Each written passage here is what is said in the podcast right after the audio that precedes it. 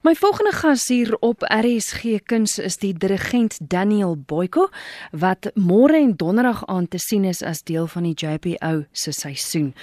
Good evening Daniel, welcome on the program. Good evening. Thank you for having me.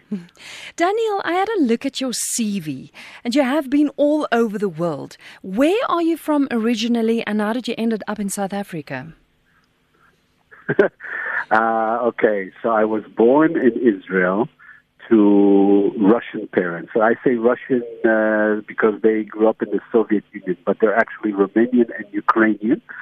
And then we, I, I grew up in Paris for some of the time, and then we moved to the United States to Milwaukee, where I did high school. And after that, uh, I went to Russia to study conducting, and then I went back to the United States and eventually, sometime around seven years ago, I think it was, uh, I received a call in the middle of the night. I was in Chicago, and the uh, executive director of the KZN Philharmonic, Bongani Tembe, uh, invited me to conduct the orchestra short notice. He said, Can you be here in three days? And I said, You know, actually, I can. And uh, I went. I loved it. And the rapport with the orchestra was immediate, and I've been coming since.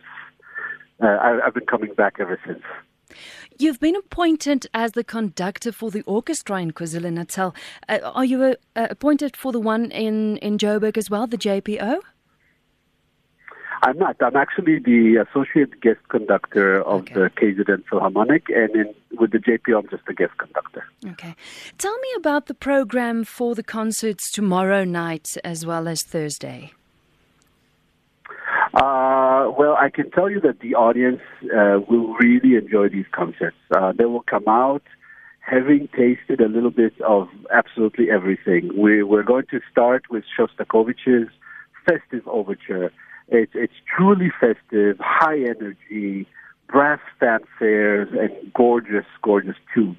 And it's very short. It's about six or seven minutes, um, and very fast. And it's a very uh, big crowd. After that, we're going to do a concerto. But you know, when you think of a concerto, you think something super classical.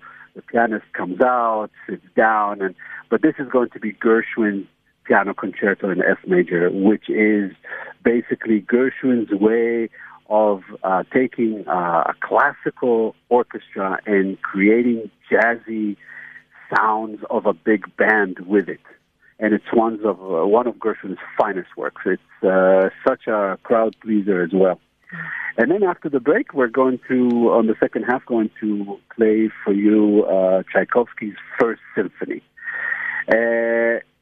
Again, you know, when we hear symphony, we think, oh, it's very classical, it's very old fashioned, but everyone knows Tchaikovsky. Everyone who has heard the Nutcracker knows Tchaikovsky, you know, and, mm-hmm. uh, but this is his first symphony, uh, when he was very young, 26 years old, and it's Tchaikovsky's dreaming big. He, he looks into his future.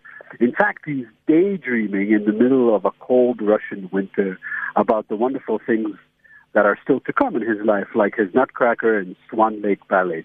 Mm-hmm. So in the symphony, Tchaikovsky looks to his Russian roots and infuses the music with folk songs and folk tunes and even surprises us uh, at some point with some waltzes.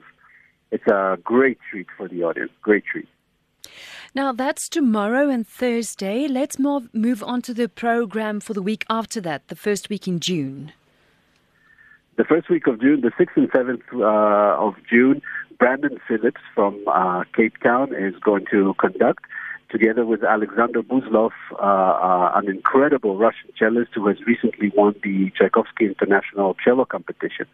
Uh, they will start with uh, Beethoven's Egmont Overture, and Alexander will play the Lalo Cello Concerto, and they will finish with the Schumann Symphony Number no. Three, the Rhenish.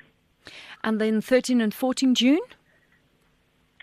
Uh, Conrad Van Alphen will be the conductor, and he will be uh, joined by Nikita Borisoglebsky, uh, a violinist from Russia, uh, who will play the Sibelius violin concerto. They will start the concert with Mendelssohn's overture to Ruy Blas, and they will end the concert with Dvorak's Fifth Symphony.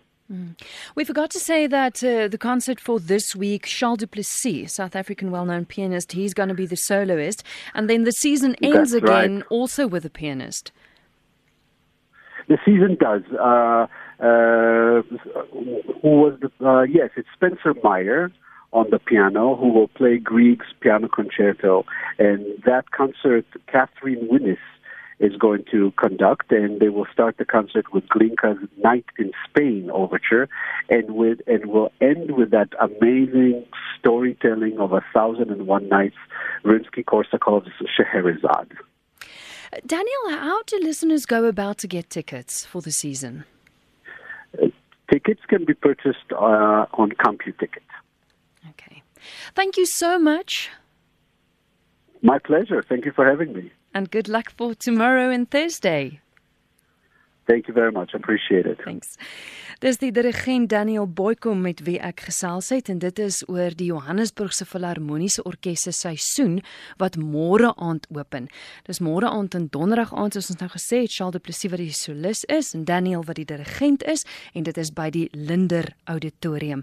Die kaartjies is beskikbaar by CompuTicket.